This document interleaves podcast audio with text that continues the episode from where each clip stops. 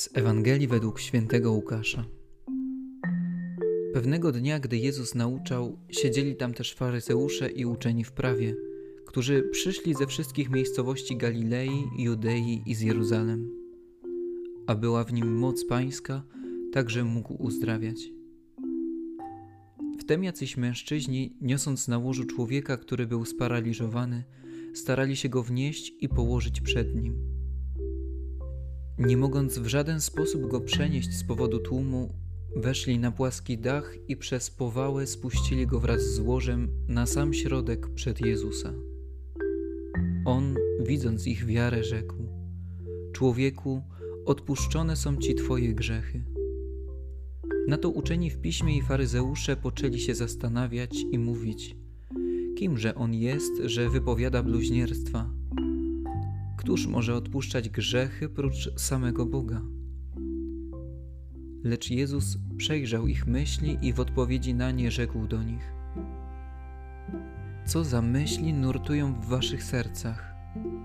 Cóż jest łatwiej powiedzieć: Odpuszczone są ci twoje grzechy, czy powiedzieć: Wstań i chodź? Oto, żebyście wiedzieli, że syn człowieczy ma na ziemi władzę odpuszczania grzechów rzekł do sparaliżowanego: Mówię ci, wstań, weź swoje łoże i idź do domu. I natychmiast wstał wobec nich, wziął łoże, na którym leżał, i poszedł do swego domu, wielbiąc Boga. Wtedy zdumienie ogarnęło wszystkich.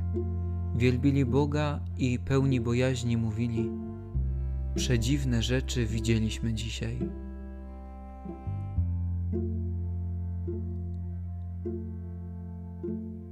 Dzisiejszej perykopie zostaje nam przedstawiony sparaliżowany człowiek, który dzięki Bożej interwencji zostaje uzdrowiony ze swojej dolegliwości. Przypatrzmy się zatem uważnie na całą tę sytuację. Na łożu leży człowiek.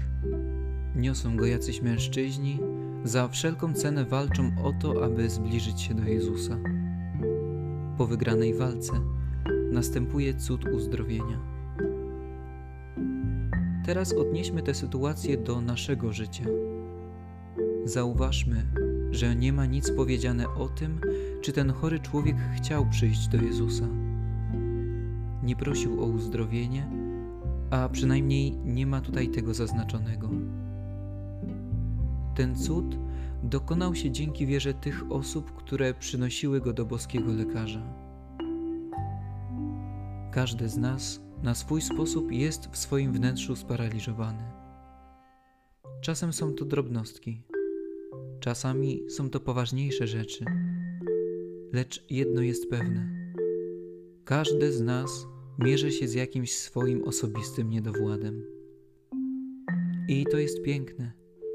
Dzięki temu, że nie jesteśmy idealni, otwiera się nam możliwość spotkania z tym jedynym idealnym który nasz paraliż obróci w zdrowie. Wiara zawsze zawiera coś z wielkiej przygody, zrywu, skoku. Jest przygodą, gdyż chorzy idziemy w nieznane, do Boga.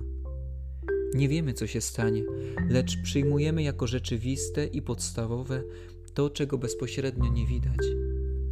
A przez to otwieramy się na wyższą rzeczywistość, która może nas uzdrowić. Cofnijmy się jeszcze raz do dzisiejszej Ewangelii.